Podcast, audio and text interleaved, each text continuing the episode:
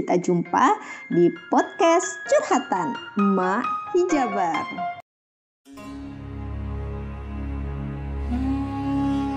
Abu Zar bagian kedua Pemimpin gerakan hidup sederhana Pada suatu hari Rasulullah mengemukakan kepada Abu Zar pertanyaan berikut Wahai Abu Zar, bagaimana pendapatmu bila menjumpai para pembesar yang mengambil barang upeti untuk diri mereka pribadi?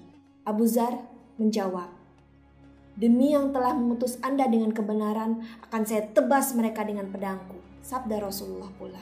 Maukah kamu aku beri jalan yang lebih baik dari itu? Ialah bersabar sampai kamu menemuiku. Tahukah kita kenapa Rasulullah mengajukan pertanyaan seperti itu? Itulah persoalan para pembesar dan harta. Rasulullah membekali Abu Zar dengan nasihat amat berharga. Bersabarlah sampai kamu menemuiku. Maka Abu Zar tidak akan menggunakan ketajaman pedangnya terhadap para pembesar yang mengambil harta rakyat. Tetapi ia juga tidak akan bungkam atau berdiam diri. Memang, Rasulullah melarangnya untuk menebas leher mereka. Tetapi beliau tidak melarangnya menggunakan lidah yang tajam demi membela kebenaran. Setelah lewat masa Rasulullah SAW, disusul masa Khalifah Abu Bakar, kemudian masa Khalifah Umar. Saat masa kedua khalifah ini, para pejabat dan pembesar masih bisa dijinakan dari godaan hidup dan fitnah pemecah belah. Ketika itu, tidak ada penyelewengan yang mengakibatkan Abu Zar bangkit menentang dengan suaranya yang lantang serta kecaman pedas. Telah berlaku pada pemerintahan Amirul Mukminin Umar, keharusan hidup sederhana dan menjauhi kemewahan serta keadilan bagi pejabat dan pembesar Islam. Tidak ada seorang pun di antara pejabatnya, baik di Irak, Syria, San'a, ataupun negeri yang letaknya jauh sekalipun. Pejabat tidak memakan pangan mahal yang tak terjangkau oleh rakyat biasa. Seandainya ada pun, langsung selang beberapa hari berita itu akan sampai kepada Umar.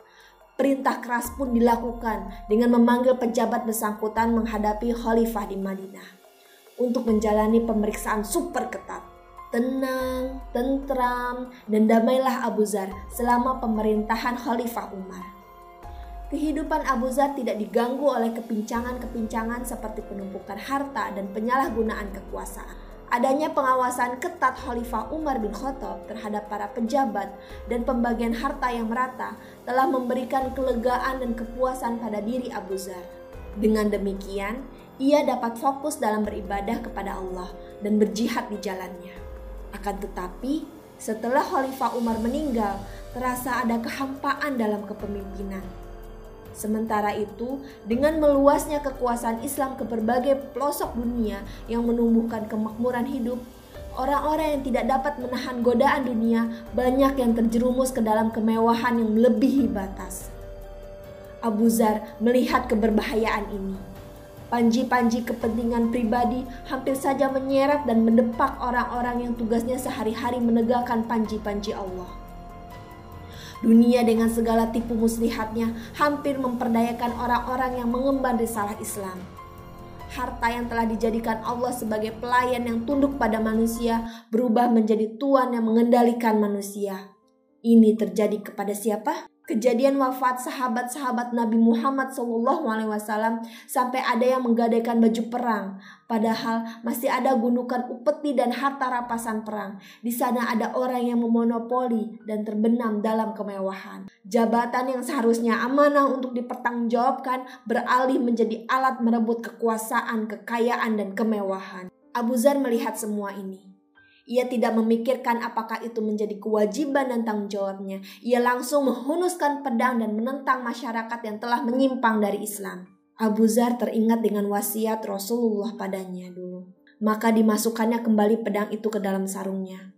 Karena tidak sepantasnya ia mengacungkan pedangnya ke wajah seorang muslim. Bismillahirrahmanirrahim. Dan tiada hak bagi seorang mukmin untuk membunuh mukmin lainnya kecuali karena keliru, tidak sengaja. Terjemahan Quran Surat An-Nisa ayat 92. Bukankah dulu Rasulullah telah menyatakan di hadapan para sahabat bahwa di bawah langit ini takkan pernah lagi muncul orang yang lebih benar ucapannya? Abu Zar. Beliau orang yang memiliki kata-kata yang tepat dan jitu. Satu kalimat yang diucapkannya lebih tajam daripada pedang. Maka dengan senjata kebenarannya, ia pergi ke para pembesar dan kaum hartawan. Ia pergi ke pusat-pusat kekuasaan dan gudang harta.